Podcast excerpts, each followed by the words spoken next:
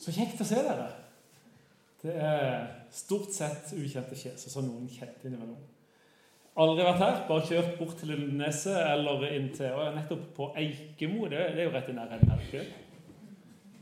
Med Alexis Lund. Det var utrolig fint. Men det var et rart sted. Det, det må jeg bare si. Altså, det, altså, det, var, det, var, et veldig fint sted, men det var jo fullstendig lovløst, skjønte jeg, når jeg kom over der. For der stod en lass med biler som alle var avskilta, men de brukte de til å kjøre denne her lille offentlige veien. og sånt. Nå trengte de en ny bil, så jeg måtte finne en som ikke hadde gått gjennom EU-kontrollen og kunne avskiltes. Så kjøpte de den. Også. Så det var litt sånn lovløst land der oppe. Sånn. Fristaden Kristiania opplevde det sånn. Men ellers var det veldig fint å være der. Um, litt om meg, ja. Jeg kommer fra Kristiansand. Har bodd i Bergen i 20 år, tror jeg. Eh, sammen med min kone, som er sørlending, så det er jo naturstridig at vi bor der oppe. Jeg har tre barn på, eh, fra 18 til 9, godt spredd. Sistemann bor hjemme ennå. Og eh, utenom det så, så har jeg jobba i Tro Medier i 10-11 år. Og ihuga Start-supporter. Hadde litt vondt i dag. Vi tapte mot Bryne, men eh, jeg skal prøve å glemme det. Jeg overlever. Det er ikke bare bare å være Start-supporter. Altså. Det er omtrent som å være Brann-supporter. Så det trøster jeg meg, at det går dårlig med dem. Ok, Det tror jeg var nok om meg. Eh, eller jeg sier at jeg lever for Jesus, familien og neste måltid. Eh, men sånn følelsesmessig i hverdagen så er det motsatt rekkefølge. Veldig glad i mat. Ok, eh, Nå skal vi snakke sammen. Eller snakke sammen, det er jo, meg som skal snakke. eh, jeg lurte på om vi skulle hatt sånn det til sidemann, og så er det ikke alltid det like enkelt. Iallfall ikke i koronatida. Så vi får se. Men eh, jeg håper nå, nå, Det er jo veldig ulike kulturer. Men det er veldig lov til å rekke opp ei hånd. Og så kan du stoppe litt, enten sånn, snakke litt seinere. Det er noen som du snakker altfor fort. sier de. Eh, eller 'dette her er jeg helt uenig i', eller 'jeg har en historie som kan supplere det', eller et eller annet sånt. Så, så føl dere fri til å gjøre det. Så tar vi en pause på midten. Da har jeg hørt at det skulle være noe beady. Det gleder jeg meg til. Eh, og så eh, Ja, så får vi se hvor lenge Jeg spurte liksom hvor lang Jeg må i hvert fall ha to timer. Altså, Jeg kommer ikke til å holde dere her i to timer, men det blir noen andre som holder dere i to timer. i hvert fall. Men jeg får vi får se hvor lang tid. liksom, Ca. halvannen time tenker jeg at, at, vi holder på her. Ok. Jeg tror jeg skal fortsette med å, å be. Herre, jeg ønsker å be deg om eh, Guds rike velsignelse over landet vårt. Og så zoomer vi inn og så ber vi om Guds rike velsignelse over fellesskapet her. Takk at du, som er den allmektige himmelens og jordens skaper, universets herre, du er her nå. Det er en sannhet som er egentlig helt absurd, Herre. Kan du åpne våre øyne, åpne våre hjertets øyne, så vi ser den enorme rikdommen det er å tilhøre deg, være dine barn og ha vårt håp i Kristus. Så ber vi at det må være noe fornuftig vi får snakke om i dag, at det danner seg noen kloke tanker i hodene til de som hører på.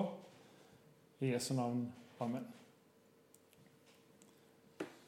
Å følge Jesus i en verden full av skjermer eh, det blir liksom, eh, altså Fokuset mitt blir ikke barn først og fremst, men jeg tror at det jeg snakker om her, kan man lett på det eh, føre over Skal jeg bare hoste? Skal prøve å hoste uten å Uten at jeg kan både overføre til foreldrerollen, men også sin egen mediebruk. Det er liksom mitt håp at de skal oppleve det relevant både for for dere som foreldre og, eh, og dere som mediebrukere, uansett livssituasjon.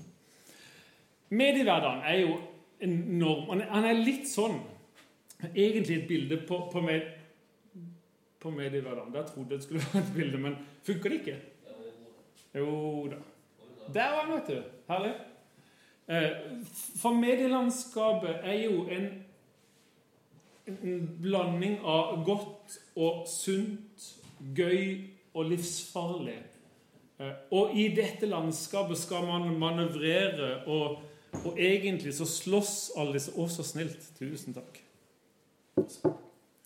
Eh, egentlig så slåss alle disse om din oppmerksomhet og tid og dine barns oppmerksomhet og tid og holdninger og tanker osv. Eh, og så er spørsmålet hvordan manøvrerer vi i dette landskapet der egentlig på mange måter så er det en veldig sånn flat struktur. Det er ikke sånn at det, noe stiger fram som prioritert, og noe tenker at dette bør du holde deg vekk ifra. Det er egentlig sånn, Akkurat som appene på, eller ikonene til appene på mobilen. Det er helt sånn flat struktur. Du velger sjøl hva du vil ha på framsida osv. Det er liksom ingen som stiger fram og prøver å si at dette er viktig. Og i dette her så er det liksom Det er giftig, det er sunt, det er gøy, men i passe mengder. Eller godt, men i passe mengder. Ja, men hvordan skal vi klare å manøvrere i dette? Det er liksom bak, eller tanken liksom bakteppet i, i det. Og så skal vi ha Rammeverket her blir eh, visjon, vurdering, valg, vaner og vitne. Jeg har en kollega som heter eh, Daniel Sebjørnsen. Han sier at ånden ligger i bokstavrimene, så da tenker jeg at da må jeg følge han. Eh, han vil helst ha tre, så jeg har gått over de, de rammene. da. Men det er rammeverket. Visjon, hva er det vi ønsker med livet vårt? Hva er det opplever vi som det gode liv? Jo, det preger våre vurderinger. Vurderingene våre fører forhåpentlig til valg eh, som styrker denne visjonen. Gjentatte valg fører til vaner, eh, og vanene våre preger hva vi vitner om, for vi er alltid et vitne om det som er viktig for oss. Hvem vil vi være, og hva har det å si for, vårt medie, vår mediebruk? Vi begynner med visjonen. Eh, eller det, det måte indre, gjerne ubevisste bildet vi har av hva er det gode liv. Eh, I Jeremia 2, i kapittel 2 så står det, jeg har ikke vers 13, så står det For to onde ting har folket mitt gjort. Ganske mørkt vers vi begynner med. Jeg håper det tas opp, men jeg tror det er viktig.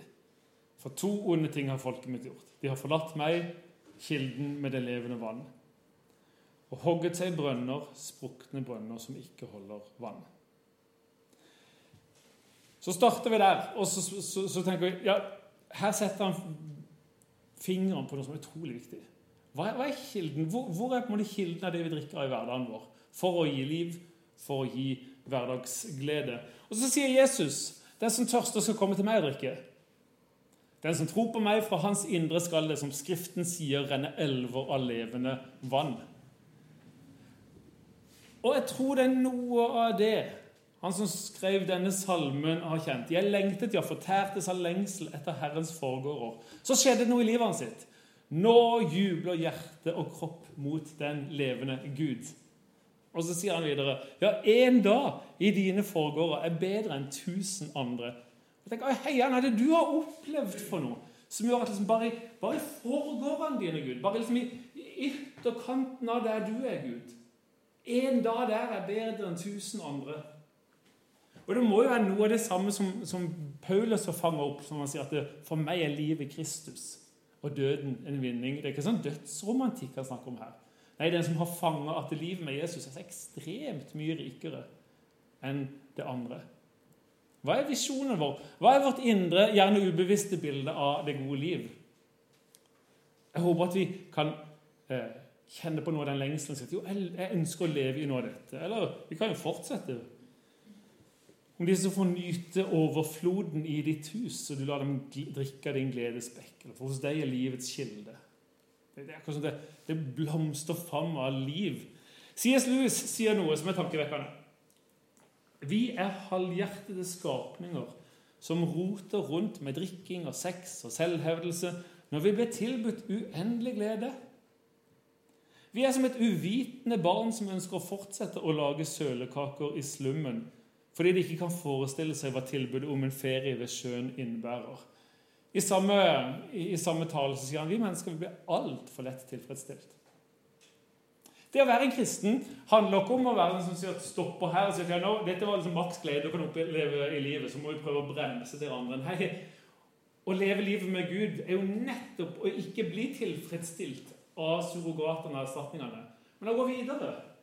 Av og til er litt barnslig det må jeg innrømme. Eh, og Noen ganger så har jeg tenkt at livet med Gud er som en tur i Dyreparken. Jeg er jo fra Kristiansand, så det er jo klart, det er jo gjerne mine referanserammer. Men, men dere er noen av dere som har vært i Dyreparken? Ja, ja nydelig. Eh, før i tida var det to innganger, men altså nå er det, vel, det er vel bare én inngang nå. Når du kommer inn der, en skikkelig lertur. For Du kommer inn, Og så er det bare en sånn stor sånn åpen asfaltplass. Og så er det, sånn, det er et lite troll, tror jeg.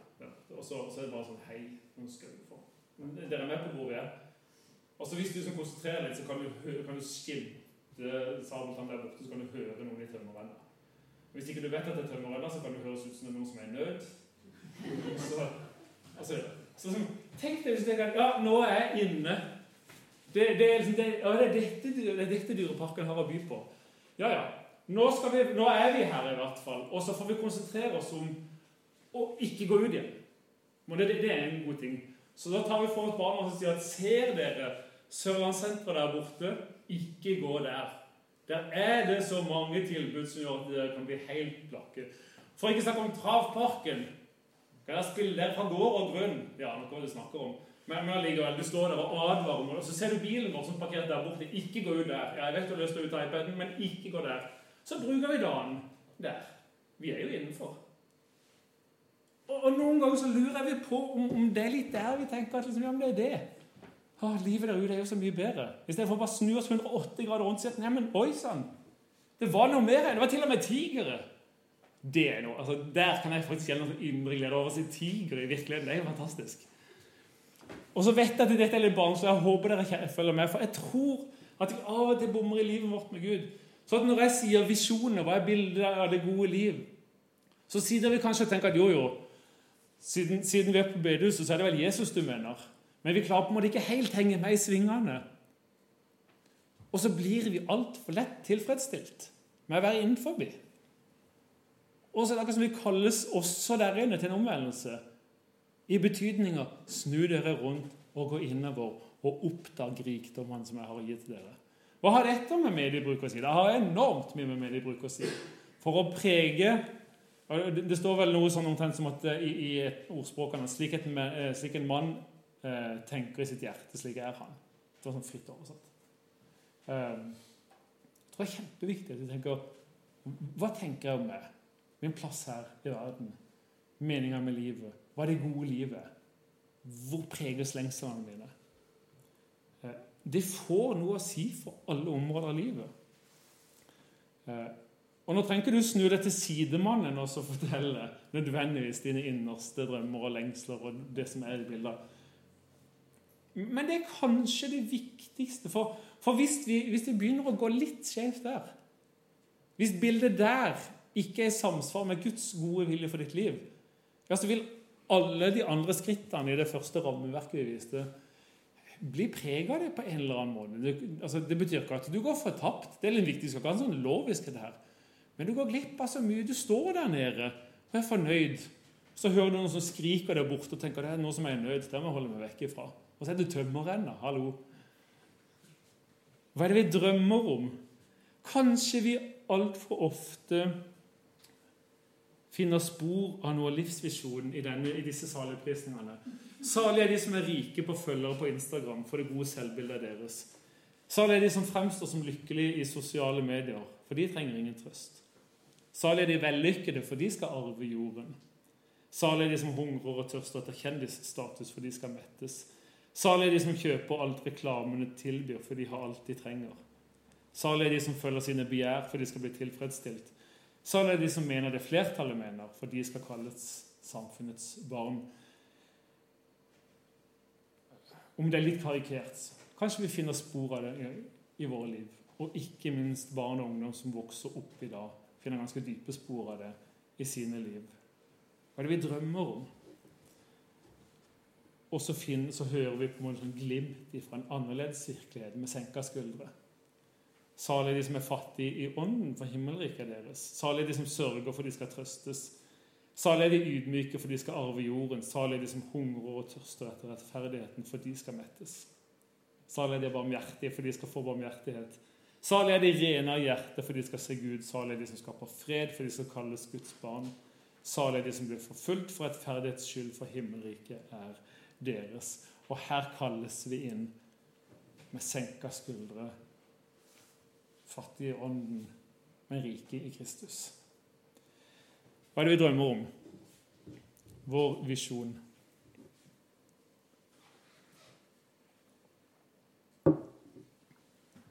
Så består hverdagen av en haug av vurderinger. Eh, og hva gjør? Mange av de, mange av de er jo ubevisste. Eh, for det må de være. For hvis vi hele tida skulle tatt bevisste valg, så hadde vi blitt kjempetrøtte. Skal jeg ha de eller de sokkene på meg i dag? Skal jeg ta buksa den eller den veien i dag? Skal jeg pusse tennene på morgenen i dag, altså, eller ikke? Skjønner, Altså, vi har blitt så trøtte, og hjernen vår er forma sånn at vi skal lage, lage vaner. Eh, men det foregår hele tida vurderinger allikevel i hverdagen vår, og noen av de gjør vi ubevisste. Og jeg har lyst til å liksom hente fram noen av våre medievalg, i hvert fall. Ikke for at du liksom hver eneste dag skal kjenne dårlig samvittighet for at du ikke vurderer alle dine valg i møte med mobilen eller nettbrett eller TV-en, men for å liksom hente fram nå, i hvert fall. Og spørre ja, kanskje vi skal endre noen ting. Så skiller vi mellom det å vurdere teknologien og det å vurdere budskapene. Det er egentlig en helt feil skille. Fordi alt bærer i seg et budskap. Men vi gjør det nå sånn for, for, eh, for, for, eh, gøy. Nei, for pedagogikken, eller hva vi skal kalle det. Vurdere teknologien er den første delen. Um, og nå må jeg bare advare. Jeg kan stå i fare for å svartmale litt nå. Uh, og jeg har en smarttelefon. Jeg bruker den litt for mye. Jeg kjenner glede i mye av det smarttelefonen kan både hjelpe meg og gi meg. Men samtidig så er jeg litt, litt betenkt. Jeg er litt bekymra for at vi holder på med et sosialt eksperiment vi ikke helt ser rekkevidden av, og kostnaden på. Eh, så disse punktene nå Skru på kritisk sans. Ja, det må dere jo alltid gjøre. Eh, aldri ta ting for god fisk. Eh, så skru på kritisk sans. Vurder om dere er enig i min beskrivelse, og ta med dere det som dere syns gir et poeng. Og så har jeg fullstendig lov til å si for at nå må du, finne, nå må du si noe positivt. Og jeg skal prøve å si det innimellom. Men mobilen har overtatt hverdagen vår. Jeg kunne satt skjermene, for det er jo det som er på en måte overskriften, men mobilen er jo kanskje det sterkeste symbolet på, på noe som har overtatt hverdagen vår. Eh, og jeg tror altså på, på, de siste Det går jo 15 år tilbake i tid. Hvor langt er det kommet da? 2006 er det vi er da? Ja. Da eh, hadde vi eh, nesten ikke sosiale medier. Det var vel, eh, vi hadde, det var vel, det var vel rundt der Facebook kom, var det ikke det? 2009-10 kom Instagram, og iPhone hadde vi ikke, eller ingen andre smarttelefoner heller. Vi hadde Internett. Hvis du går noen liksom, år tilbake der igjen, ti år tilbake der igjen, så hadde vi kanskje oppringt Internett. som husker det, Og det gikk så seint. Men dette modemet som peip Jeg tok med meg bok når jeg skulle på, på nett. For jeg måtte lese. Eh, så, så, og da vurderte man hvert eneste klikk. Så det funka dårlig med sånn klikkjournalistikk. Skal jeg klikke? Ja, det, jeg vet ikke om det er verdt å bruke tid på det. Eh, og nå sitter vi der, og liksom hele verden er tilgjengelig i lomma vår. Og sånn, altså. Så, så bredbånd, sosiale medier og smarttelefonen er kanskje de tre sterkeste driverne til en medierevolusjon og en teknologisk revolusjon som er helt enorm. Og det går jo så fort 15 år. Det er jo egentlig ingen tid for å, å, for å kunne bruke ny teknologi på en reflektert og moden måte. Og barn som vokser opp når de er digitalt innfødte altså vi, De fleste av oss, Noen av dere er forholdsvis unge kan kanskje kalles for digitalt innfødte. eller i hvert fall, Men, men noen av oss er jo digitale eh, innflyttere. Og, eh, og, og, noen igjen kalles for digitale besøkende for innom av og til. Men men barn og unge som vokser opp nå, de er første generasjons digitale innfødte. Og vi som foreldre strever litt, og som besteforeldre strever litt med hvordan skal vi forholde oss til det. For vi har ikke hatt noen voksne før oss som har modellert noe i dette. Og så har det gått 15 år, og så har det vært en revolusjon. jeg tenker, hjelp, Hvem av oss har evne til å ta tak i noen sånne grunnleggende verdier, som, noen grunnleggende knagger som ungdommene trenger i livet sitt? Eh, Trøsten i dette er at jeg tror det er mulig å stoppe og, og hente fram noen sånne litt sånn tidløse verdier som har vært fra generasjon til generasjon. Men vi skal gå gjennom noen punkter. Og, eh, og Dere som har vært på Lundnes, har kanskje sett eh, noe av dette før. Vi har fått tilgang til en hel verden av informasjon. Det er jo det første. Det, det, det, er jo bra. Det er jo kjempebra, selv om det, det ødelegger jo alle diskusjoner. det er jo forferdelig. Du, mister, altså, du kan ikke kverulere lenger, for det er jo bare å hente fram, så har du enten vunnet eller tapt. Så, så, så, for oss kverulanter så er jo det litt trist. Og samtidig er det litt deilig når vi da kan banke med den i bordet. Men det er to ting som utfordrer oss. Det ene er kildekritikk. Nå, eh, nå så nettopp nå at Medietilsynet kommer ut med et kurs for eldre, fordi de sier at det er kanskje de som er dårligst på kildekritikk.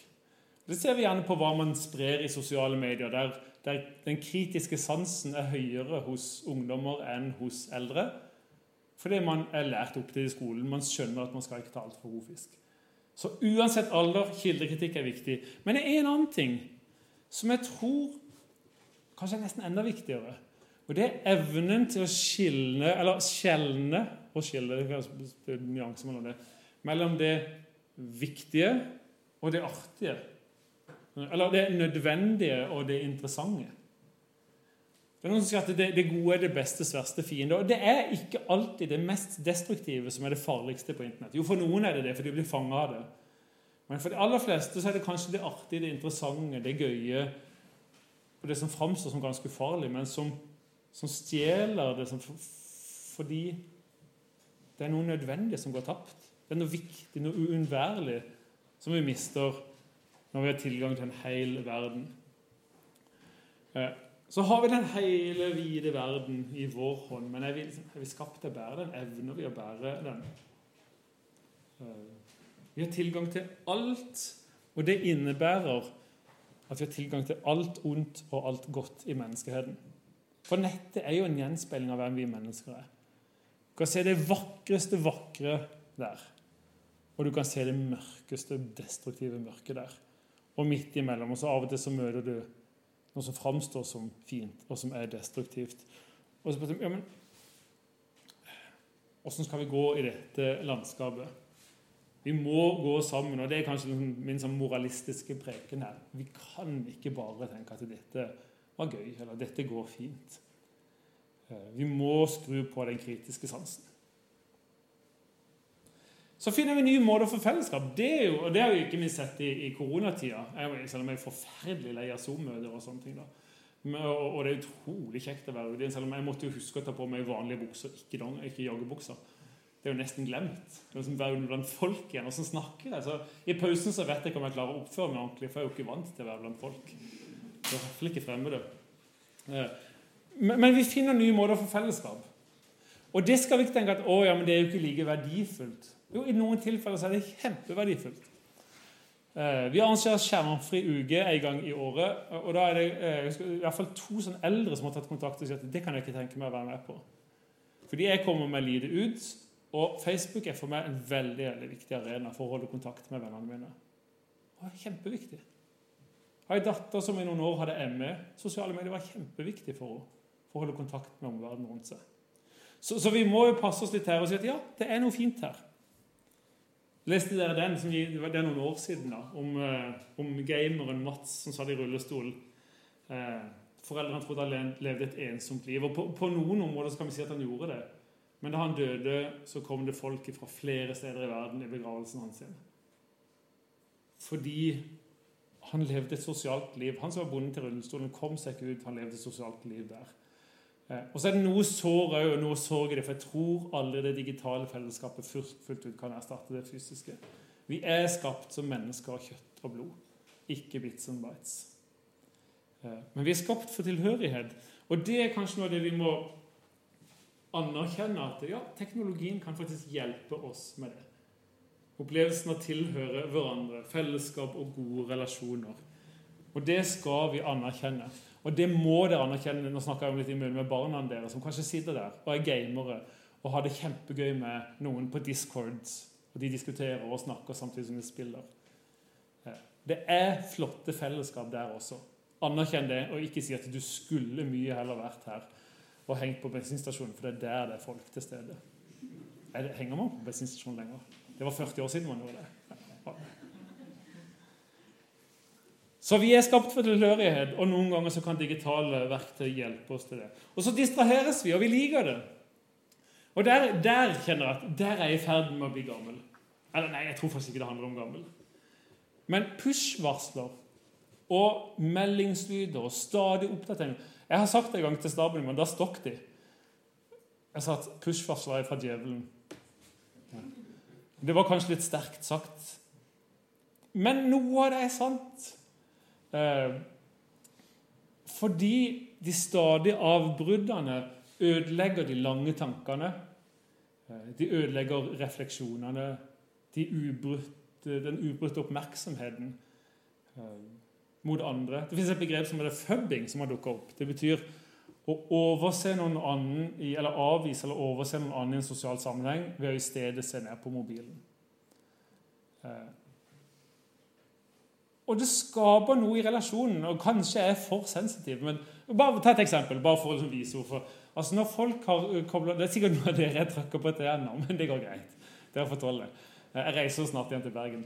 Eh, men når du får sånn meldingslyder på, på, på klokka di Når jeg sitter og snakker med folk, og så plutselig så kikker de på klokka jeg synes, de Og For meg så er det et tegn at nå er du lei. Nå orker ikke du å snakke mer med meg. Nå har du lyst til å tenke, skal jeg snart gå. Ja.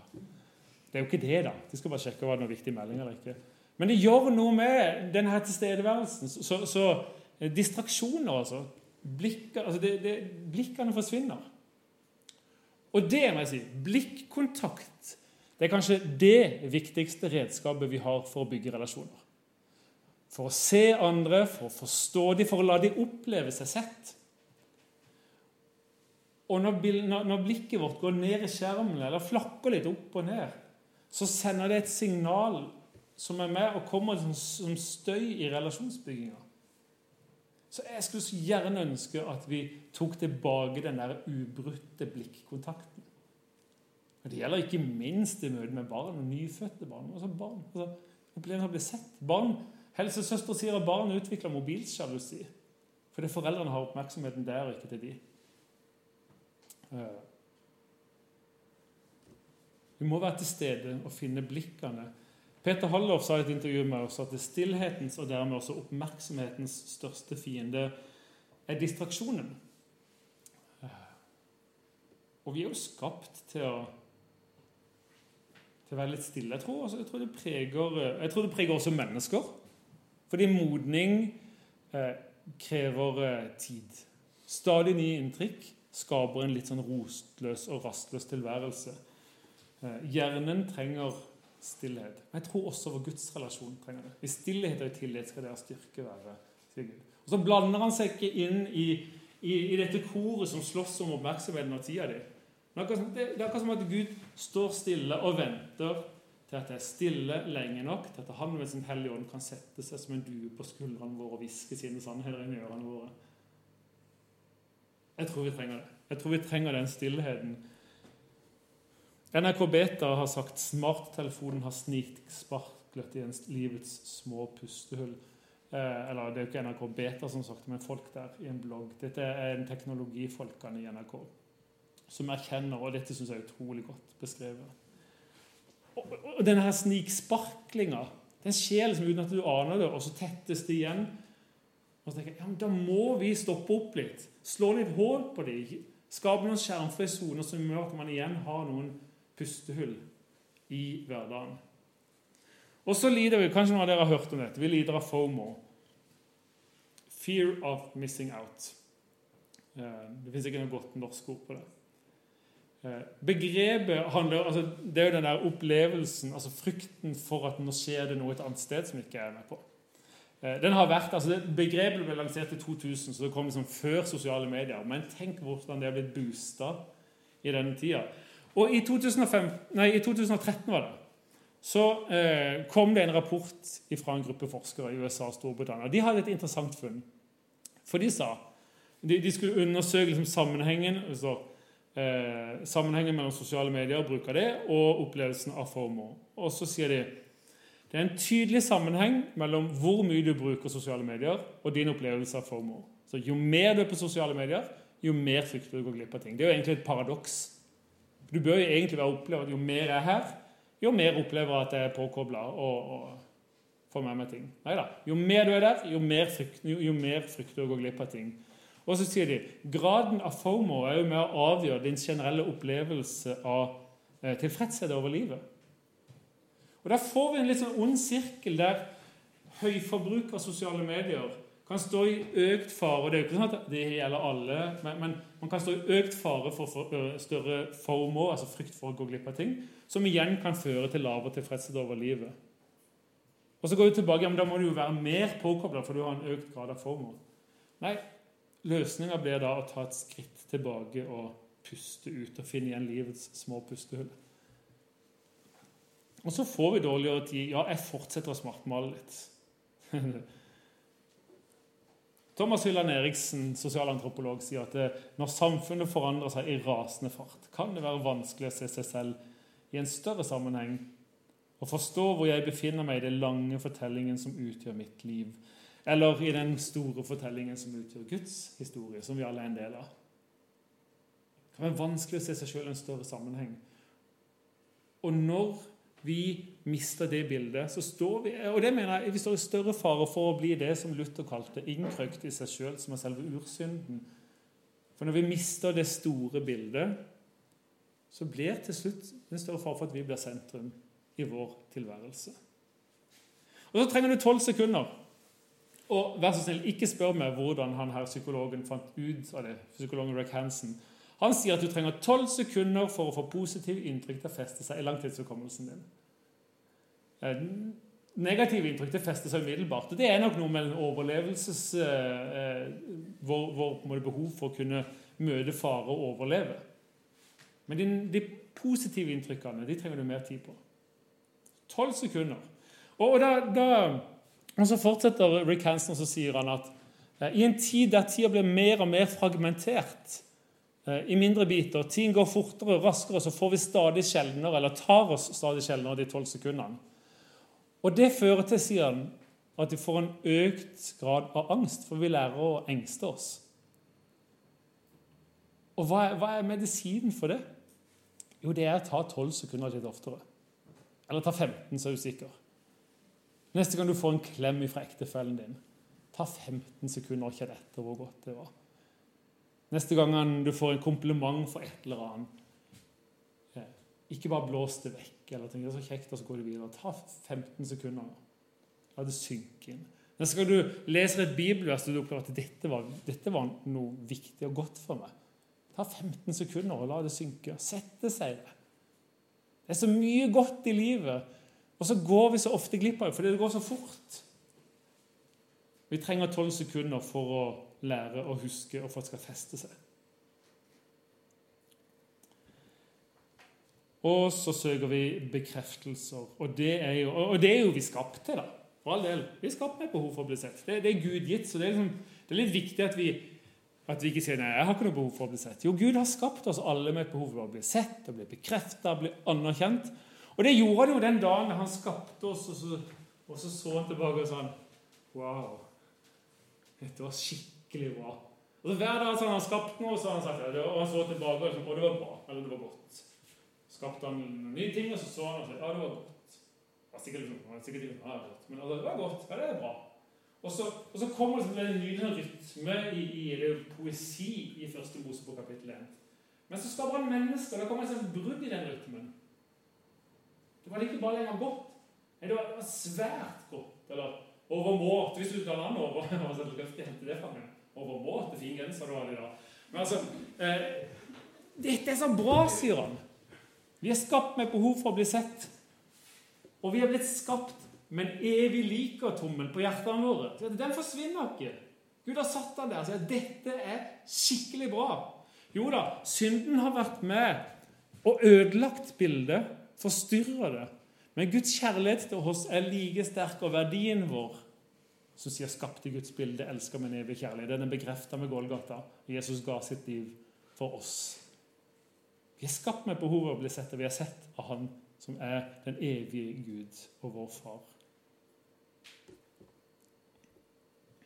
Herre, du ransaker meg, og du vet. Og du, du vet om jeg sitter eller står. På lang avstand kjenner du mine tanker. Om jeg går eller ligger, ser du det. Du kjenner alle mine veier. Før jeg har et ord på tungen, Herre, kjenner du det fullt ut. Bakfra, og forfra omgir du meg. Du har lagt en hånd på meg.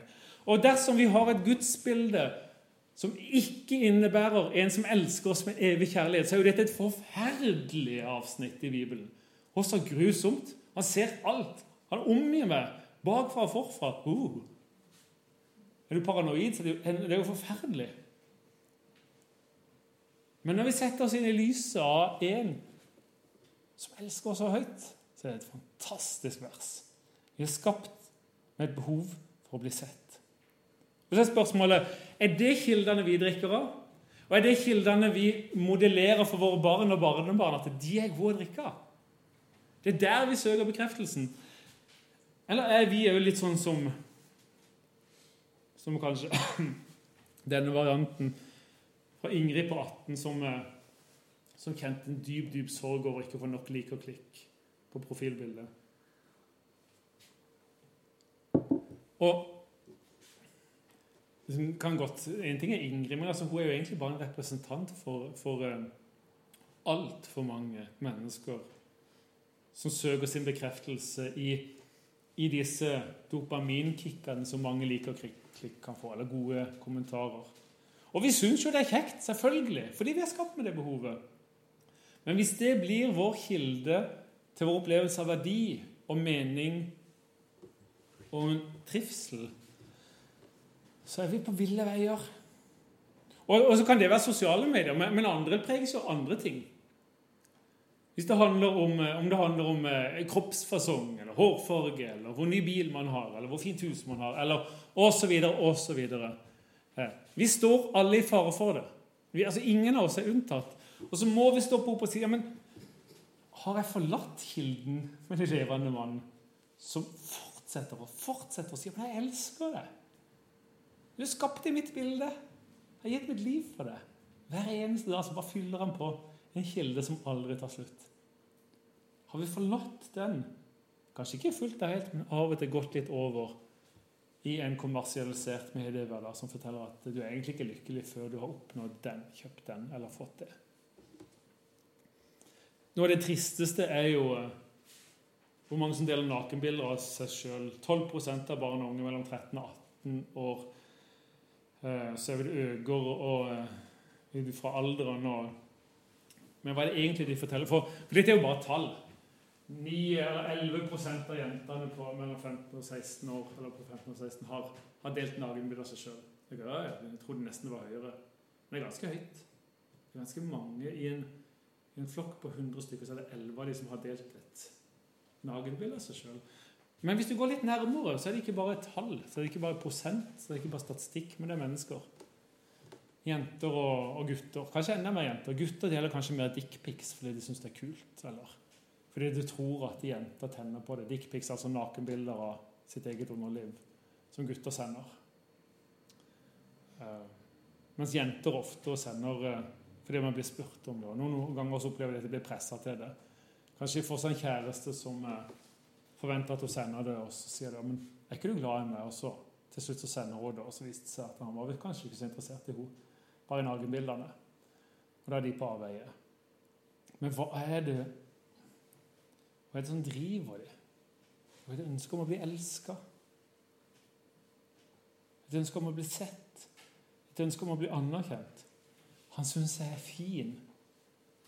Ja, ja, da må jeg vel dele da, for da syns han er enda finere. Da blir han enda mer glad i meg.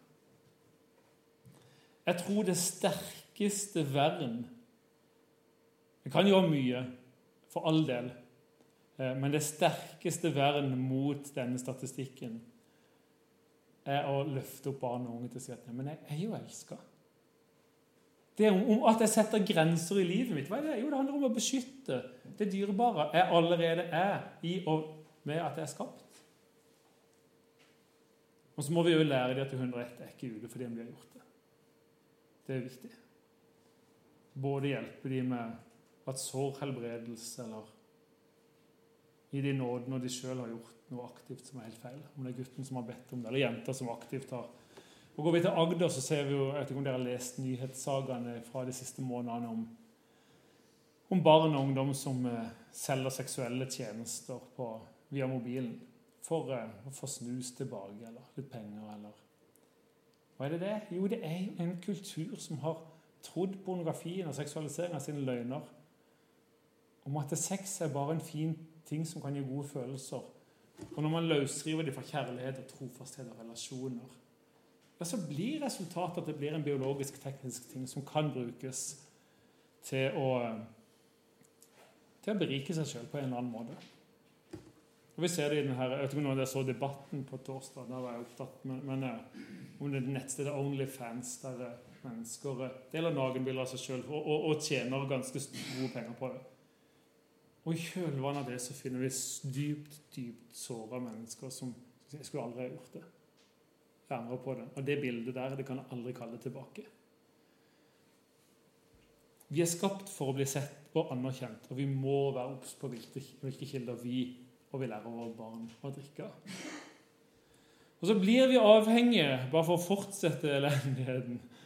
Men, men vi må ta det med, fordi, eh, fordi det skap, altså, uh, Justin Rosenstein var med og skapt denne liker-knappen, og, og, i dag angrer han på at han hadde gjort den og sletta Facebook-appen. Og så sier han at vi skaper ofte ting med de beste intensjoner, men så finner vi ut at de har negative konsekvenser vi ikke var klar over. Uh, og en annen, Tristan Harris, han var uh, designtekniker i Google. Han, var, han sier teknologiindustrien bruker designteknikker for å holde folk hektet til skjermen så lenge og så ofte som mulig. Ikke fordi de er onde, men fordi det er et våpenkappløp om oppmerksomhet. Tygg litt på den.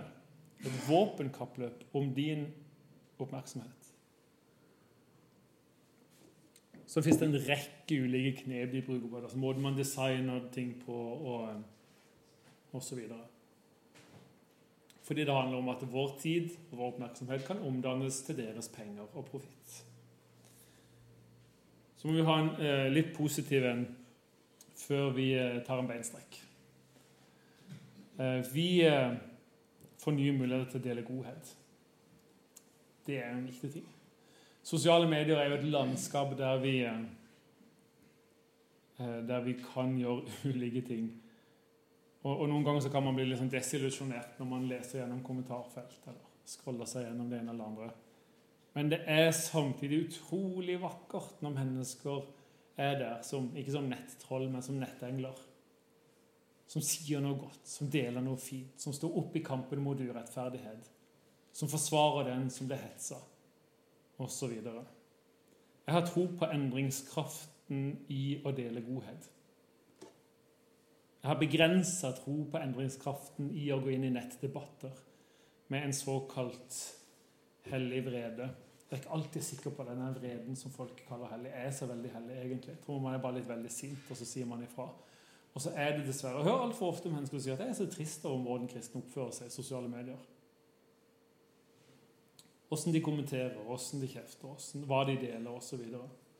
Jeg har sagt til en person at du er egentlig mye mer sympatisk i virkeligheten enn du framstår i sosiale medier. Oi, ja. Jeg liker å provosere litt. Slutt med det. Hvis det er noen av dere som liker å provosere, vær så snill og ikke gjør det i sosiale medier, for det forsterkes så. Og det blir så destruktivt. La ingen gjelde ondt, gjengjelde ondt med ondt. Men strev alltid etter å være gode mot hverandre, ja, mot alle.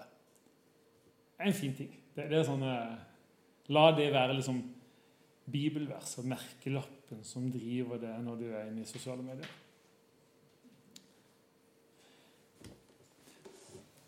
Nå, nå finner de frem, Kanskje klarer dere, mens de setter ut ting, så tar vi tre minutter til?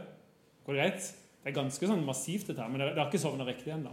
Det er faktisk genialt å strikke. Det, det anbefaler flere å gjøre. Kona mi sier at det er mye lettere å konsentrere seg når man strikker samtidig. Jeg vet ikke om Det er det samme. Det kan jo være at dere må bli ferdig med en genser. Det kan være det da. Jeg vet ikke om jeg klarer å følge med, men jeg må bli ferdig med den. Men, eh, men, men det er ganske lurt. Det er ganske lurt. Eh, eller andre ting. Men ikke, ikke bruk mobilen for å konsentrere dere. mens, Det kan være andre ting. Eh, men, men, vi går litt sånn kjapt løs på, på, neste del av dette med å, å vurdere. For å vurdere budskapene.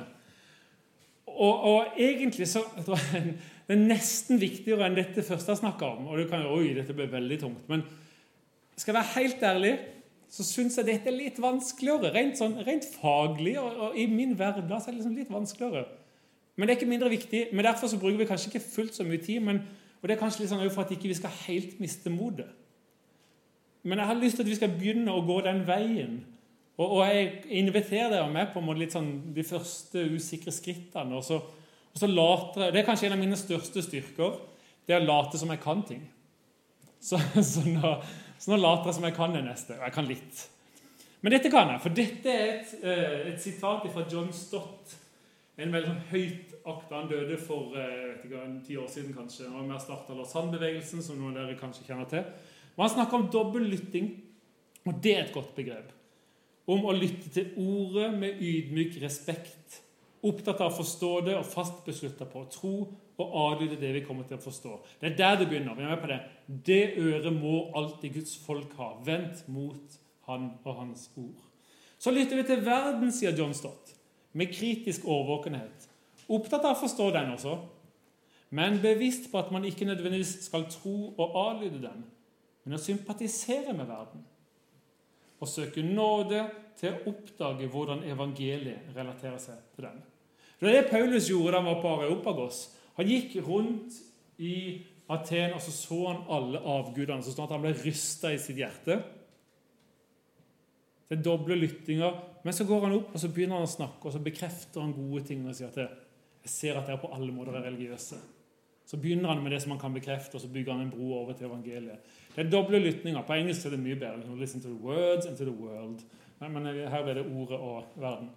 Eh, men den, det er kanskje sånn, det viktigste jeg kan ta med dere fra det med å vurdere budskapet. Ta alltid med dere de to eh, ørene de to lyttingene inn i møte med de ulike mediebudskapene. Som møter oss i direkte på mediehistorien, men også gjennom teknologien.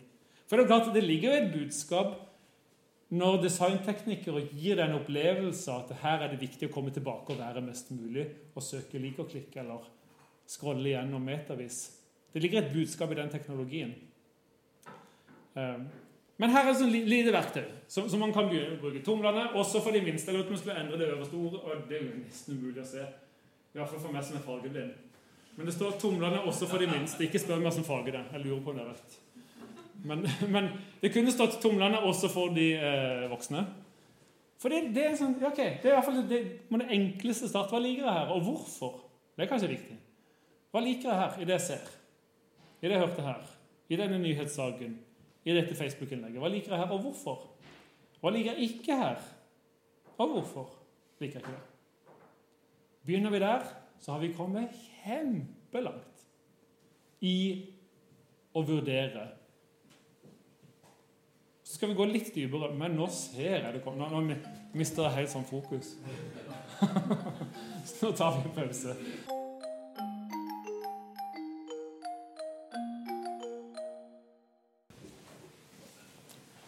Ok, Da gjelder det bare å ta sånn dyp pust med magen, finn fram strikketøyet, og så gyver vi løs på, på restene. Syns du det ble litt sånn, litt sånn fokus på det? da? Det blir bra. Oi, oi.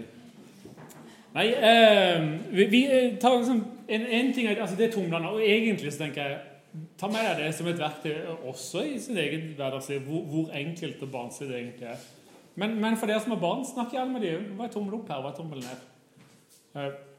Én eh, ting er at man, kan få noen, altså man får noen gode svar av og til, og de bevisst eh, klarer å sette ord på det.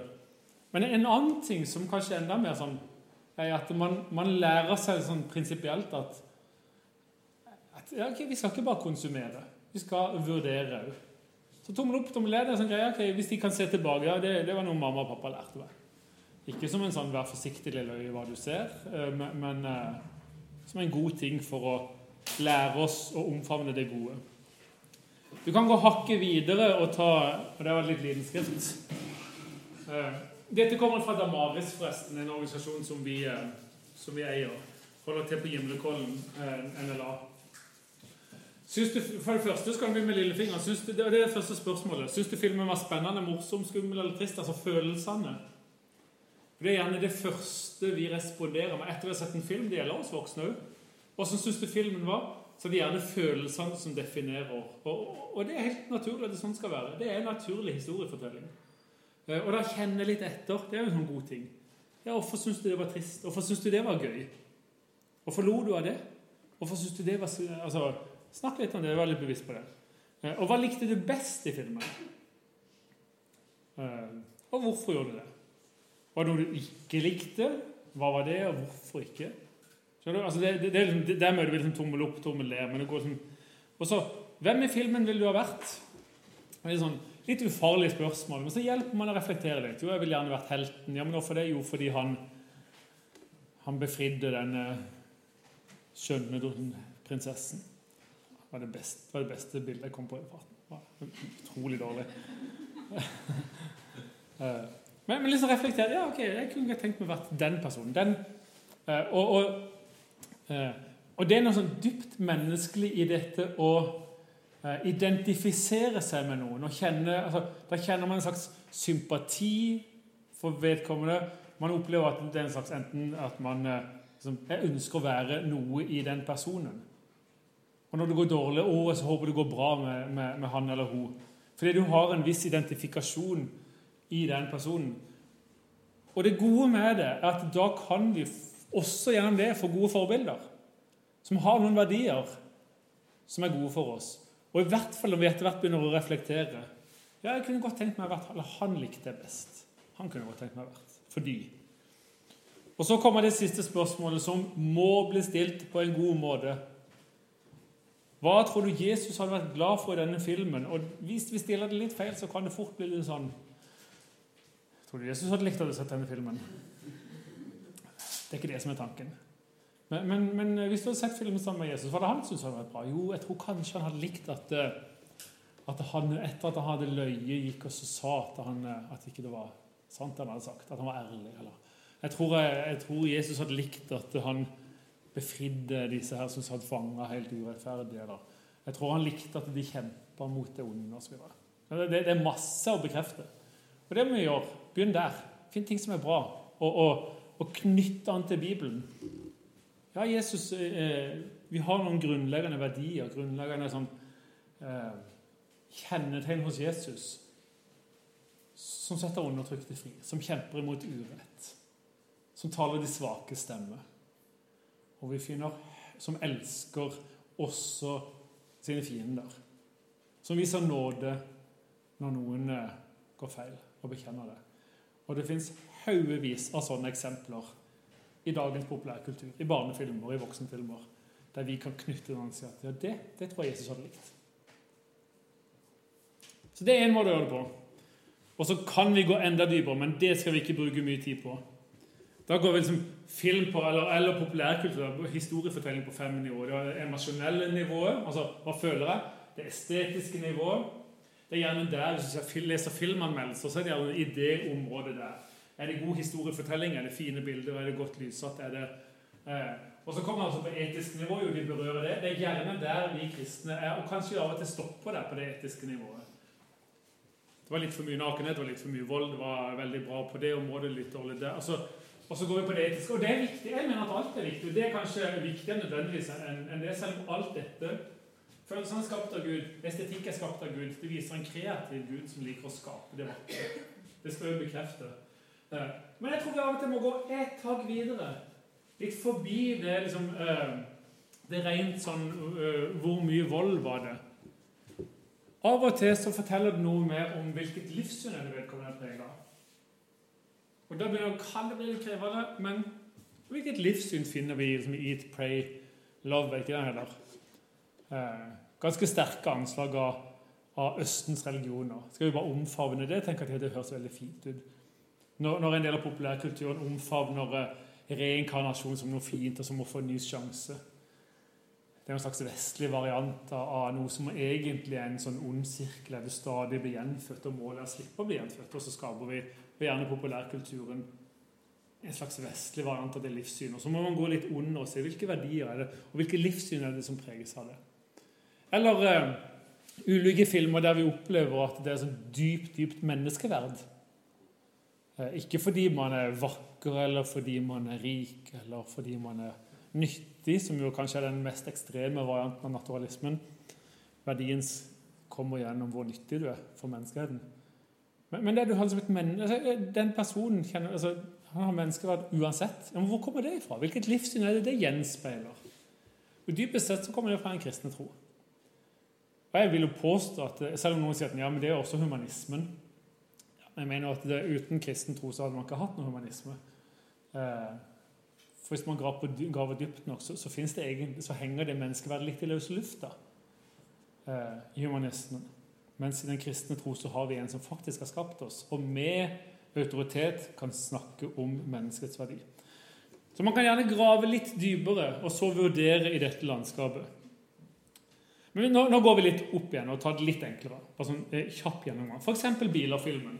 Nå kommer noen av disse som tenker ja, men det er jo litt sånn gammel eh, ja, men Det er fordi at den, det den syns jeg er såpass lett. og så liker han så godt. Jeg elsker bilfilmer. Eh, to, første er bra. Andre gang litt dårligere. Tredje er best. Nei, første er best. Men den, har dere sett den? En del av dere har sett den. Hvis noen har tenkt å se den, så blir det en spoiler. altså Jeg kommer til å avsløre noe av plottet her. Jeg håper det går greit. Men, men, hva er budskapet? Jo, jeg mener at eh, hovedbudskapet møter vi kanskje i, mot slutten av filmen, der, eh, der du, har, du, har, dette racet mellom eh, kongen Harry Knøl er så gøy navn. Eh, han heter vel eh, Er det Fartinskranken? Eh, det er et eller annet han egentlig heter, men altså, det er kongen her, da. Og Harry Knøl og Lyne McQueen. Lyne McQueen er jo hovedpersonen som fra begynnelsen av filmen lengtet etter og drømte om å vinne stempelpokalcupen. Fullstendig orientert rundt seg sjøl og sin egen lykke og drømmen om å bli best. Han var debutant, og nå skulle han gjøre det. Og i dette siste løpet, og så skjer det noe gradvis gjennom filmen, men fortsatt er han så fokusert. Men i siste løpet, et ekstra løp der vi, må kåre en vinner av de tre. Den som kommer først i mål, vinner stempelpokalen. Det er altså en stor sånn racerbilkonkurranse. Og Mot slutten av løpet så kjører Harry Knøl i Kongen. Kongen snurrer rundt og rundt og blir helt ødelagt. Dette er siste løpet han sitt. Han har vunnet mange som høyt respektert racerbil. Tenk at jeg står her og snakker helt alvorlig om det. På bedehuset. Men, men, men det, kommer, det, blir et poeng til slutt, tror jeg. Så, så ruller han av gårde, og, og, så, og Line McQueen som leder, han bråbremser rett før målstreken. Og så rygger han tilbake, ut til kongen, mens Harry Knøl liksom i bakgrunnen kjører i mål og jubler. Bare leder. Han vant liksom den her litt usympatiske uh, bilen. Men ganske så usympatisk. Og så, så skur Harry, nei, Line McQueen kongen i mål, og så, og så sier han 'Hvorfor gjorde du dette?' Sånn. Eh, du, du, du, du, kunne jo ha vunnet. Så sier han sånn fritt oversatt, jeg husker ikke ordrett, men han sa noe at nei, for en gammel venn har jeg fortalt at det var jo bare et, stum, et tomt stempel. Det var liksom ikke noe. Han hadde skjønt og og det syns jeg er et herlig spark til en liksom Hollywood-industri som, som, som, snakker om å følge sitt hjerte følge sin drøm osv. Eh, om å realisere seg sjøl. Så sier han nei, men hva er budskapet egentlig? Å jage etter å bli best er egentlig bare et jag etter tom ære. Det er bare en tom pokal. Det er bare en tom stempel. Vennskap, trofasthet og omsorg for andre er mye viktigere i livet. Det er fantastisk budskap. Og kanskje kunne snakke litt om det med barna. Eller, eh, eller med ektefellen, hvis du ser han sammen med ektefellen en kveld. Etter ungen har sted. Eh, eller etter barnebarnet har gått hjem, og så, så ser vi den. Eh, snakk litt sammen om Ja, ok, egentlig så er jo det et utrolig herlig spark i ansiktet til en gjennomkommersialisert industri som, som forteller det. Og, og, ikke minst også en, en slags sånn klatreindustri som sier at du må, må nå toppen på et eller annet for å oppleve lykke. Nei, det finnes noe annet. Du kan faktisk av og til bråbremse og gi slipp på et eller annet du hadde lengta med å vinne, fordi det var noe annet som var viktigere. Kanskje du må skue den svake i mål. Eh, 'Kongens nei', da. Det, det, er en flott film. Det er for øvrig, Der kommer en biting som også er interessant å merke seg når det gjelder filmens budskap, eller, eller livssyn. Eh, Kong Haakon var en, en, eh, svært bevisst Noen kaller det dypt troende, men altså var en svært bevisst kristen. Levende kristen. Det er helt fraværende i den filmen. Det er tankevekkende. Hva forteller det oss om filmskaperens eh, valg og kanskje eget livssyn? hva han vil formidle? Hvor bevisst det var, det er ikke, det er ikke så godt å si.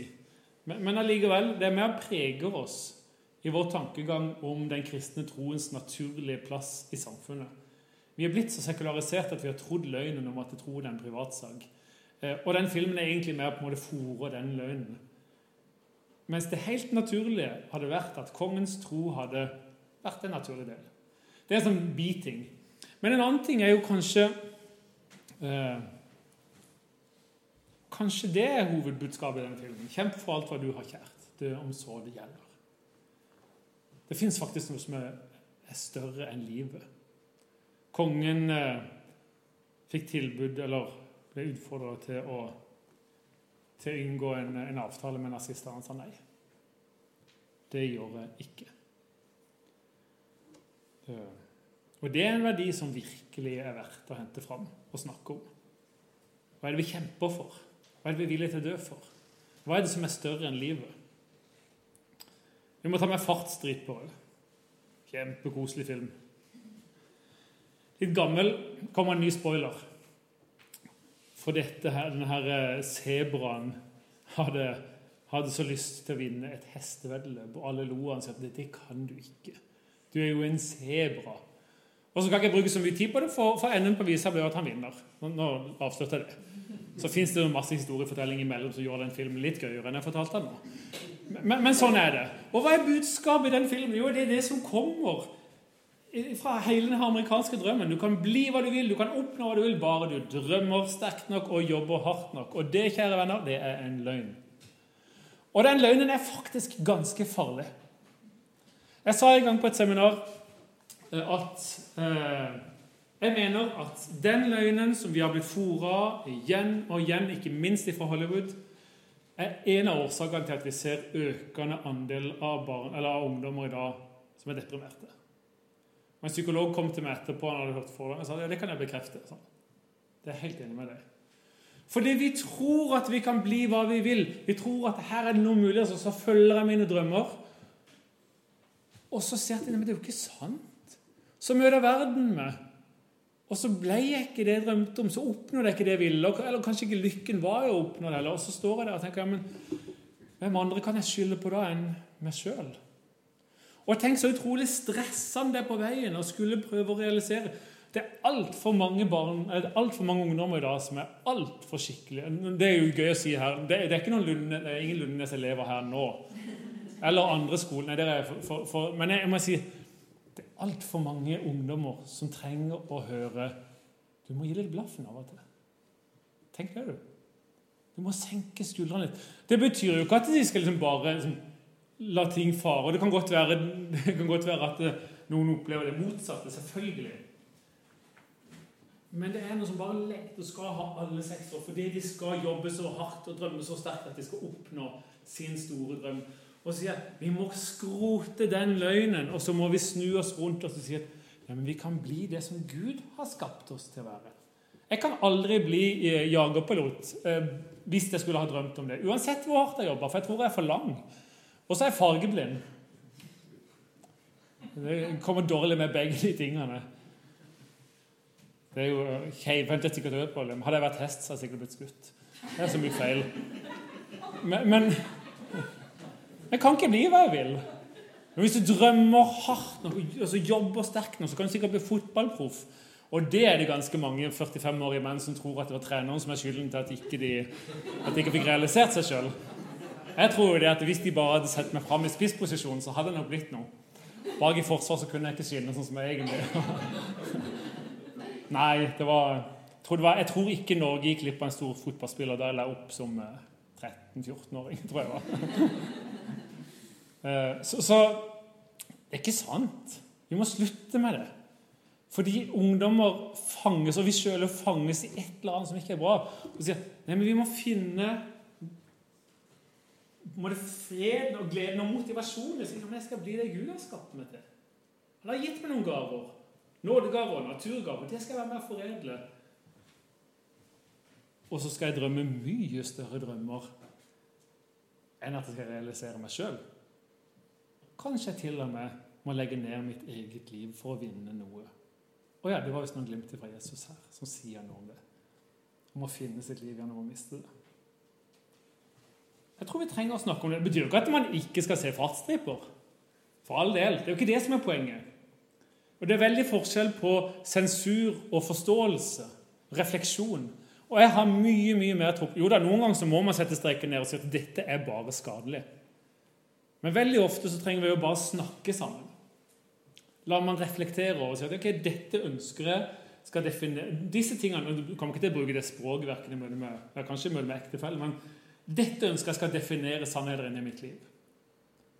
For vi har sannheter, eller vi har løgner som vi tror er sannheter, som vi lar definere oss. Noen av de samsvarer med Guds gode vilje for våre liv, noen av de gjør ikke. Og mange av de er fora ifra medievirkeligheten. Og vi må begynne å avsløre løgn og omfavne sannhet. Det er der friheten finnes. Vi må lære barna til å avsløre løgn og omfavne sannhet.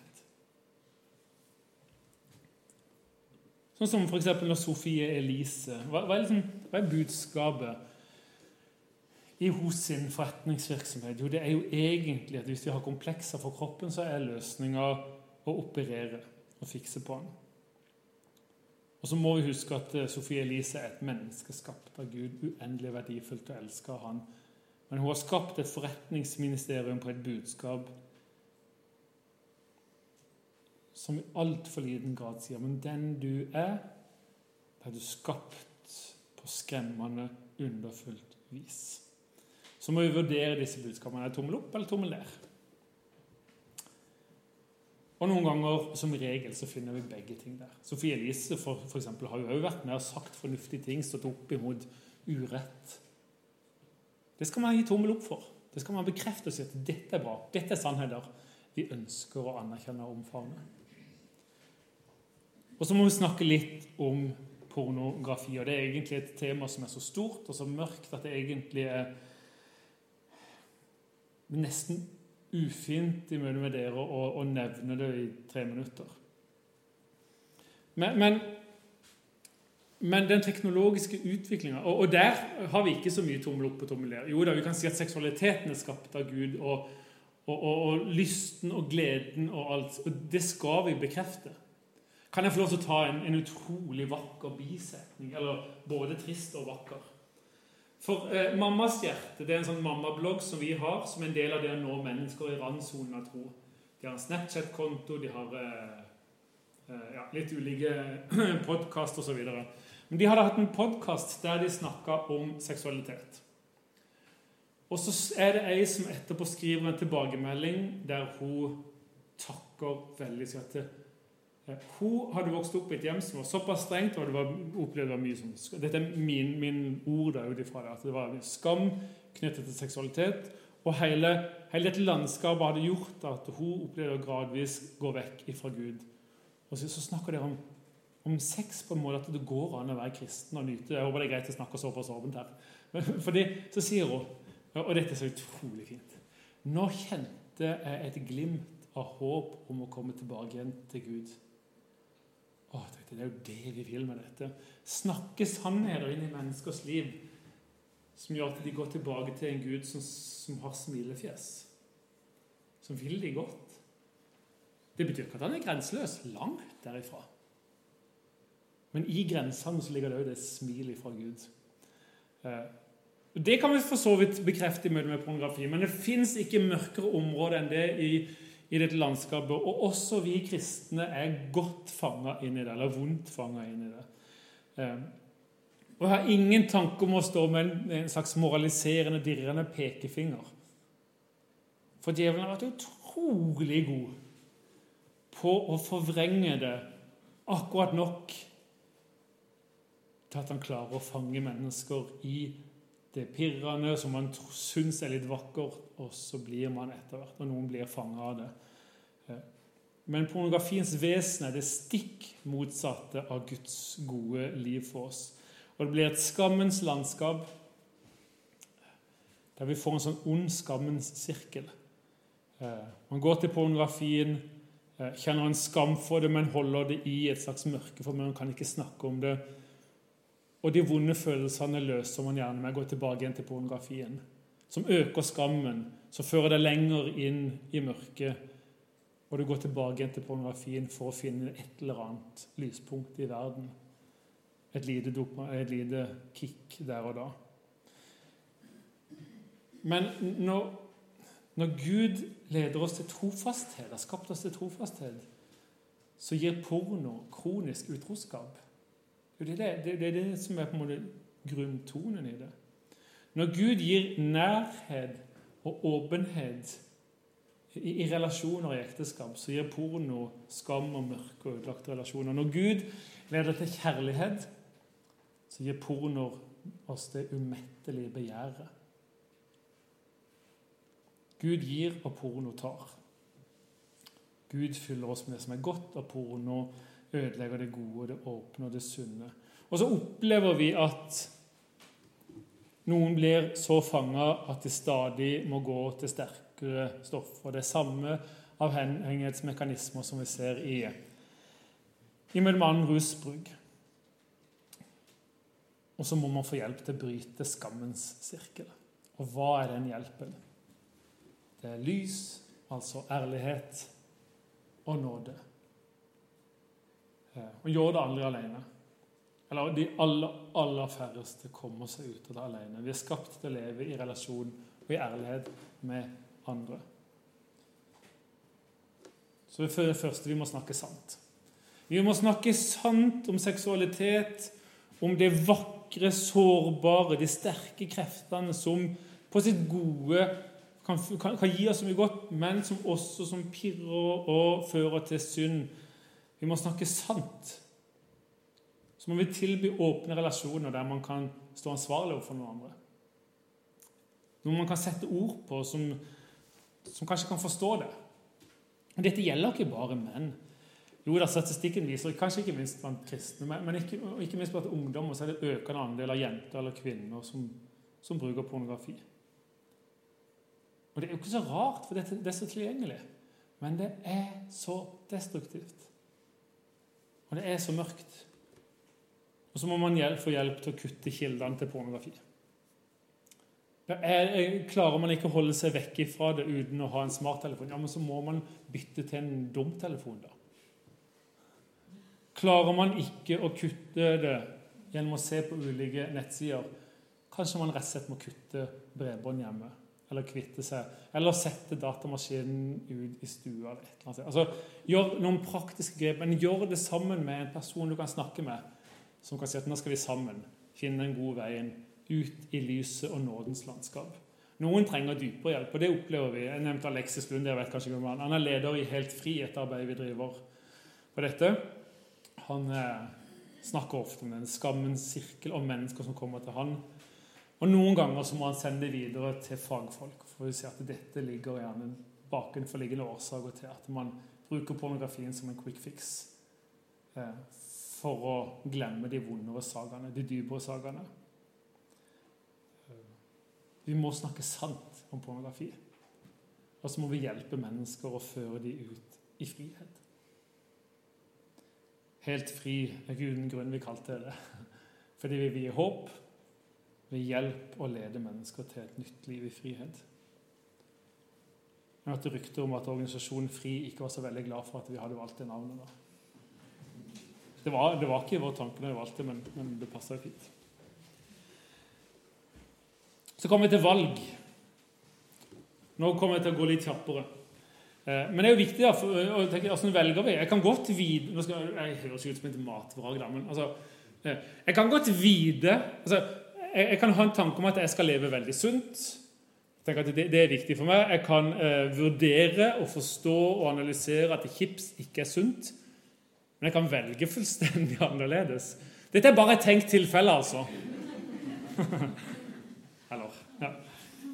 Så, så, så vi må, vi må eh, og, og, da, og altså, Vi var inne liksom, i, i pornoens landskap. Det, denne sirkelen som kommer her, kan være med å hjelpe oss der. Men også i de mer sånn, hverdagslige tingene. Så jeg ønsker å endre litt retning. Eh, dette er livet vårt. Så går det. Det rusler og går. Da ut og da inn. Og så skjer det et eller annet i livet. Det kan være en stor ting, det kan være en liten ting, det kan være et seminar i Vågen bedehusforsamling, det kan være en eller annen kommentar fra ditt barn eller barnebarn. Det kan være et eller annet som skjer, som gir deg en anledning til å stoppe opp ja. Eh, forresten, de som, de som ga den modellen, de skiller mellom to typer tid. Eh, kronos og kairos. Kronos det er tida som går. Tikker og går. Eh, hver dag. Ut, dag ut og dag inn. Kronos. Kairos det er tiden er nå. Øyeblikket. Når Jesus sier at eh, 'min tid er', så snakker han om kairos. Eh, og av og til så oppstår det et lite eller stort kairos-øyeblikk. Altså en anledning til å reflektere, til å ta noen nye valg, til å modnes, til å vokse, til å kanskje bekjenne, til å gjøre noe. Og noen velger, og, jeg, tror, jeg, tror, vi møter ganske mange kairos-øyeblikk som vi rister litt av, så går vi videre uten å lære det. Men noen ganger så stopper vi opp og så sier vi, ja, dette var et godt kairos-øyeblikk for meg. Og så tar vi en runde her. Hvis dette kan være nyttig, så bruk det som et, et, et, et lite verktøy. Det betyr ikke at liksom, du kommer ikke til å gå gjennom punkt for punkt og skrive masse på hver. Kanskje hvis du trenger det, hvis det er en sånn dyp greie. Men det er likevel sånn greie knagger å henge ting på. Det første man gjør, observere. Hvorfor opplever du det? Hvorfor trenger jeg, liksom, Hva er det Ikke hvorfor, nei, men hva? Ta for eksempel eh, eh, Man er altfor mye på Facebook, bare for å ta et eksempel. Ta Observer, da. Ja, hvor mye er jeg egentlig på Facebook? Litt sånn fakta. Observasjonen skal ikke ta med seg så mye følelser.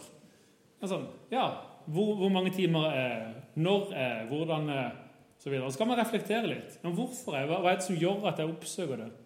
Er det når jeg kjeder meg? Eh, og hvorfor gjør jeg det? Er det fordi jeg er redd for å gå glipp av noe? Eh, hva, hva gjør det med meg når jeg er der?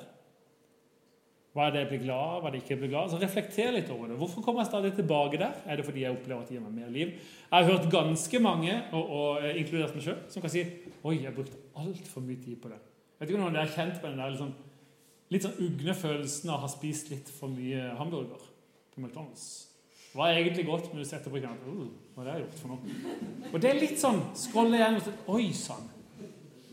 Henne ble den timen av? Den får jeg aldri tilbake. Det var litt sånn, uh.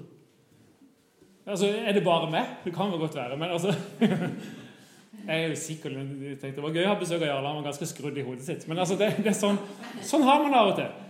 Og så, så, reflekterer man litt over det og tenker at Ja, hva er det? Og så må man begynne å tenke. Og så Da trekker man inn en annen, og det er lurt. For endringer i livet, eh, i hvert fall varige og de vanskelige endringene, er mye enklere å få til hvis man involverer noen andre. Så tar man med seg en annen part i diskusjonen, kanskje ikke ektefellen sin, litt avhengig av hva det er.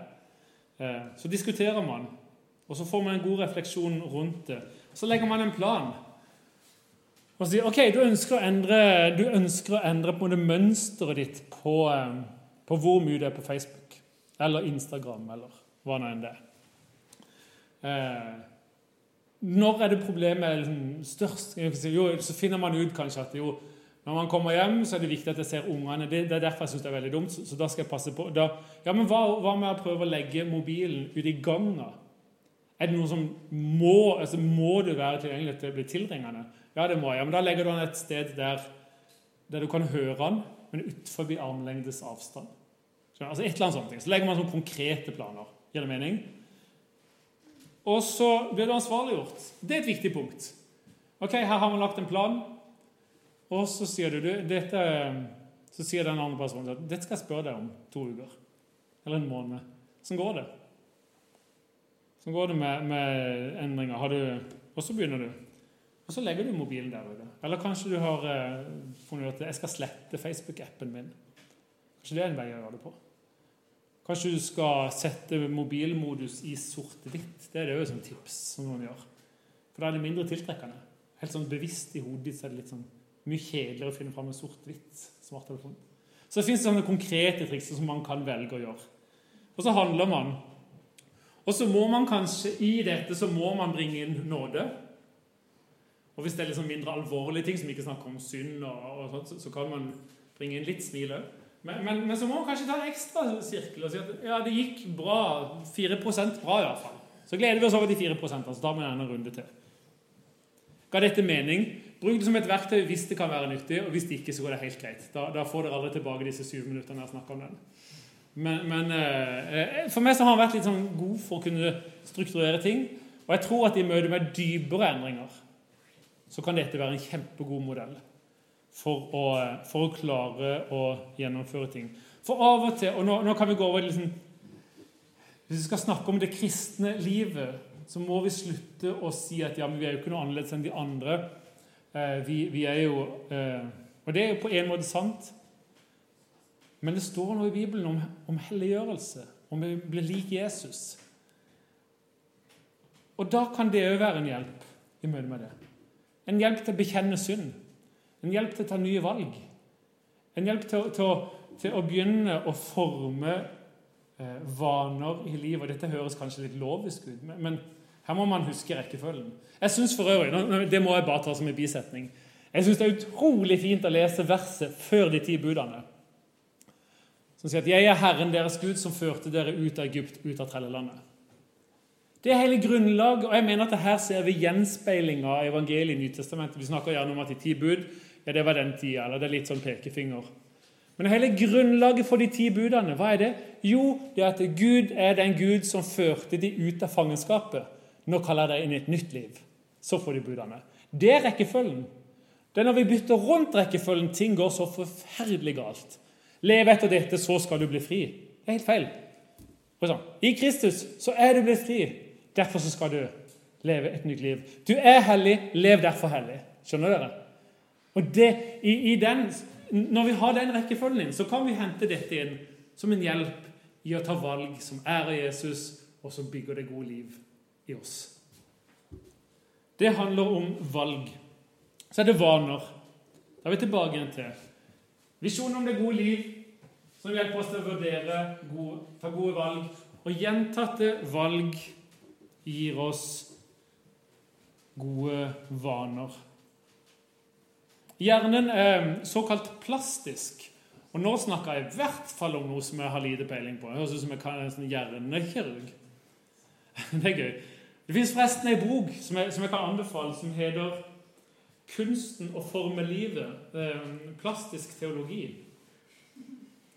Og det er en fantastisk bok. Stian Kilde Aarbrot, som snakker om vaners kraft til å forme livet vårt. Fordi hjernen vår er skapt med disse her, som vi snakker, de nervebanene. Hvis vi hele tida skulle tatt valg, så vi bruker ekstra energi på å ta valg. Det er derfor vi er skapt til å forme vaner. Jeg trenger ikke å bestemme meg hver dag for om jeg skal pusse tennene. For det er bare noe man skal gjøre. Eh, og i det øyeblikket man må vurdere det, så er det mye større sjanse for at man ikke gidder. Og alle andre vaner som er gode eller dårlige. Man lager seg baner, og jo oftere man gjentar vanene, så blir det en motorvei i hjernen for gode eller dårlige valg. Men hjernen, og det er den gode nyheten, er plastisk, er formbar. Det er veldig viktig. Hjernen er formbar. Og Derfor så har jeg troen på det gode i de gode vanene i gudslivet. Jeg syns jo Daniel eh, jeg må ta den, Daniel har en utrolig fin eh, eller Det står noe utrolig fint i, i eh, kapittel 6 når det står om, om Dareios som utsteder det her at du skal ikke be til noen andre enn kongen. og Da blir man kastet i løvehula. Den historien antar jeg de fleste av dere har hørt om. Og Så står det noe om at når, Daniel eh, hadde fått høre det, så gikk han hjem, åpna vinduet mot eh, Jerusalem og tre ganger om dagen ba han og lovpriste. For slik hadde han alltid gjort. Hva er det han forteller oss om? Det forteller oss om at Daniels bønn ikke var inspirasjonsstyrt, ikke var behovsstyrt. Den var rett og slett styrt av en rytme. Og vaner man legger seg til i fredstid, det står seg når tørken kommer, for den kommer. Den står seg når stormen kommer, for den kommer. Så de gode vanene i livet, de er med og former oss og står seg når dagen blir tøff. Og Jeg håper at vi kan ta gode valg i møte med populærkulturen, i møte med samfunn som, og i møte med medievirkelighet som formidler godt og vondt, sunt og usunt, liv og død, hele spekteret, sannhet og løgn. Og at vi kan gjentatte ganger omfavne sannheten og gjøre daglige ting i livene våre som former nervebanene våre, som gjør at vi bekjenner Gud at han, Gud er Gud om alle land var øde, om alle mann var døde. Og ikke bare at Gud er Gud, men Gud er god om alle mann var døde. Jeg tror gjentatte valg fører til vaner. Jeg tror det også handler om gudslivet. Og det er kanskje, selv om jeg er litt sånn eh, Jeg omtaler meg alltid som sånn karismatisk lavkirkelig med, med, fascinasjon for det katolske. Det er vanskelig med å plassere meg. Altså, jeg er jo en bedehusmann, egentlig. Men jeg har sett, ikke minst i en periode der jeg var syk, eh, og sett det utrolig frigjørende i, i, rytme, i det liturgiske, i å slippe å forme bønner sjøl. Slippe å prøve å finne fram en inspirasjon for å be. Det betyr ikke at liksom, jeg har et voldsomt rikt bønneliv, men jeg har funnet noe frihet i det at en kan gå sammen med det andre har bedt før en, f.eks. Visjon fører til vurderinger som bidrar til våre valg, som gjentatte valg fører til vaner, og så er vi alltid et vitne om det som betyr noe for oss. Og jeg håper så inderlig at denne hjerteholdninga er noe som, som, preger oss som Guds folk. En dag, Gud, i dine foregårder er bedre enn tusen andre. Jeg, altså, tenk om folk her i Ølensvåg kan si de kristne ja, jeg skjønner, men, men det er noe hos dem det er, det, det er, noe liv hos dem, det er noe hos dem som, som, formidler noe tiltrekkende. Tilbake til Daniel, så sa jo dronninga at liksom, de, de, liksom, Du må kalle det, til, kalle det, til, Daniel, sa hun til kongen når han hadde problem. For det bor en usedvanlig ånd i ham. Oi, sånn. Og det Daniel hadde gjort, som gjorde at hun hadde observert han, at det bor en usedvanlig ånd i han. Jeg tror det handler om det. Å ha den hjerteholdninga som sier at nå jubler hjerte og kropp mot en levende Gud. Vi er alltid et vitne om det som betyr noe for oss. Vi kan ikke la være å tale om det vi har sett og hørt, sa Peter og Johannes fra Det høye råd. Og Jeg håper at eh, mine barn, når de en gang blir voksne, skal se tilbake og omtale sin oppvekst og sine foreldre, så håper jeg de kan si at eh, jeg tror ikke de bruker de ordene. Jeg, jeg, jeg, tror ikke de kommer til å bruke de ordene. Men, men, jeg håper de kan si at gleden i Herren var mamma og pappas styrke. Jeg håper de kan si det. Jeg håper de at ja, jeg vokste opp i et hjem der jeg opplevde at Gud var god, levende, til stede i hverdagen, med nåde og kraft. For det setter så dype spor, også i møte med medievirkeligheten. Nå er jeg nesten ferdig. Bare kjapt. Nå går jeg over til sånn, liksom siste, siste poeng. og Nå er jeg såpass frimodig at jeg, ut, jeg gir deg noen utfordringer. Eh, I det å eh, gjøre Jesus synlig, den aktive å gjøre Jesus synlig i en verden full av skjermer. Ikke bare åssen brukere, men kan vi være et aktivt kristenfolk som setter agenda? Kan dere være med og be for mediene? Et rettferdig menneskes bønn er virksom og utretter mye, står det. Kan jeg være med og be for mediene? Eh, hvis dere vil eh, få tilsendt Og det betyr ikke at dere må ha tilsendt et bønnebrev, men vi sender ut bønnebrev hver mandag. Eh, så kan dere skrive e-postadressen på, på baksida på feil side av det arket hvis dere vil levere det inn. Hvis dere bare skriver e-postadressen, trenger ikke mer. Så hvis dere ser at det bare står det, så skjønner jeg at det er bønnenyhetsbrevet dere vil motta. Eh, det er det ene jeg har lyst til å utfordre til. Vær med og be for mediene. Fordi hvis vi skal se en forandring, så trenger vi å be til Gud. Vi har ikke sjans til å skape den endringa som trengs i medievirkeligheten. Men, men, for Gud så settes det aldri et punktum etter det umulige. Det settes alltid et komma. Og hun sier at ingenting er umulig for Gud. Så be for mediene. Det andre er være et Jesus-nyttende der mennesker er. Om det er på Facebook, Twitter, Instagram, Snapchat eller eh, digitale og analoge flater. Og Det handler ikke bare om å dele bibelvers. Det er jo gjerne. Og Jeg kom jo med det hjertesukket litt tidligere, men det handler om å elske sin neste. Og det handler om å la alle mennesker få merke at dere er vennlige. Det er slitt hvis det er noe som kunne prega Guds folk og deres vandring gjennom de digitale sfærene. Og den siste call to action blir med å bygge et kristent mediearbeid. Jeg har vært så frimodig og lagt ut de lappene her eh, fordi vi inviterer mennesker til tro og medier. Eh, vi drives av gaver, ene og alene. Eh, og vil gjerne utfordre mennesker til å bli med. Har dere lyst til å være med og gjøre Jesus synlig i mediene? Tre glimt ifra hva vi har gjort, i, eller hva vi gjør nå. Jeg har nevnt Helt fri på dette området. Vi gjør på tre hovedområder. Medievalg som ærer Kristus. Og der sier vi vi vil fortelle en bedre historie. Og I går så sto vi på landsmøtet, og så kom eh, Birgitte Wiste, som er den andre. Vi har to ansatte, 1,6 stilling. Vi sier at vi vil forebygge. Vi treffer flere tusen barn og unge hvert år med budskapet om Guds gode historie om pornografi, kropp, identitet i møte, eh, Guds gode historie om sexidentitet og kropp i møte med pornografi. Og så sier vi vi skal forandre.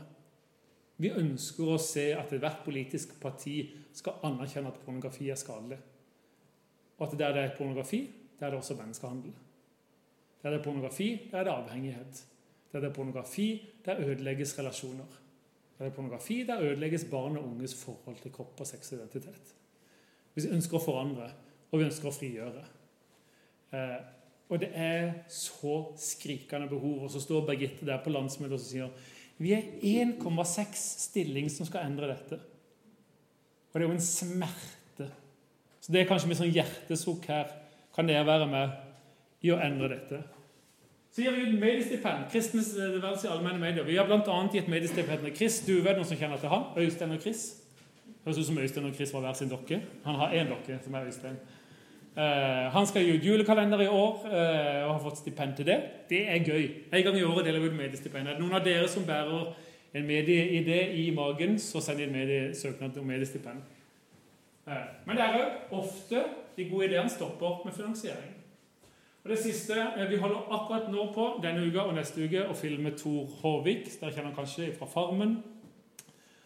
Eh, han, Vi lager en serie sammen med han på tre episoder om troverdigheten i Jesu oppstandelse. Det skal være litt sånn en gøy serie, litt humor. vi har masse, de, de, besøker ulike gjester. Eh, de besøker en som er eh, De besøker Henrik Sysøy, de skal besøke Jørn Lier Holst, kjenner til han, krimforfatter og er vel også tidligere politi, tror jeg. Og en del andre personer da, som skal være med og belyse dette fra ulike, litt artige vinkler. Og, og, konklusjonen vet vi da, for kommer komme til å bli. Dette har han skrevet mastergrad om. Det er det som danner basisen da. Det er troverdig, er historisk troverdig at Jesus har stått opp for de døde. Det er ikke bare et sånt tro uten tanke, men også når man kommer på tanken. Og det syns jeg er spennende å lage sammen med Tor eh, og TV Inter, som lager kjempegode produksjoner. Eh, det er jo en dyr produksjon, derfor så inviterer vi an der med en. Vi håper å få den serien inn på TV 2. Eh, eller NRK, men nåløyet er trangt, og hvis ikke vi klarer å nå fram der, så deler vi det i hvert fall med Tor sine 30 000 følgere med ulike livssyn eh, og i våre kanaler. Tre glimt fra, fra oss der. Så hjertelig velkommen. Hvis dere, bare lyst til, hvis dere vil være med, så kan jeg fylle den ut og, og putte den i kollektkorv, eller så da ta meg hjem. Pennene kan dere uansett ta med dere. For de fant jeg utrolig mange nede på lageret vårt. Altfor mange. Så ta gjerne med dere pennene. Det var egentlig det. Nå tror jeg jeg har snakka kjempelenge. Mer enn en og en halv time. Jeg vet ikke om jeg skal si unnskyld, men jeg kan i hvert fall si tusen takk for meg at dere orka å holde ut.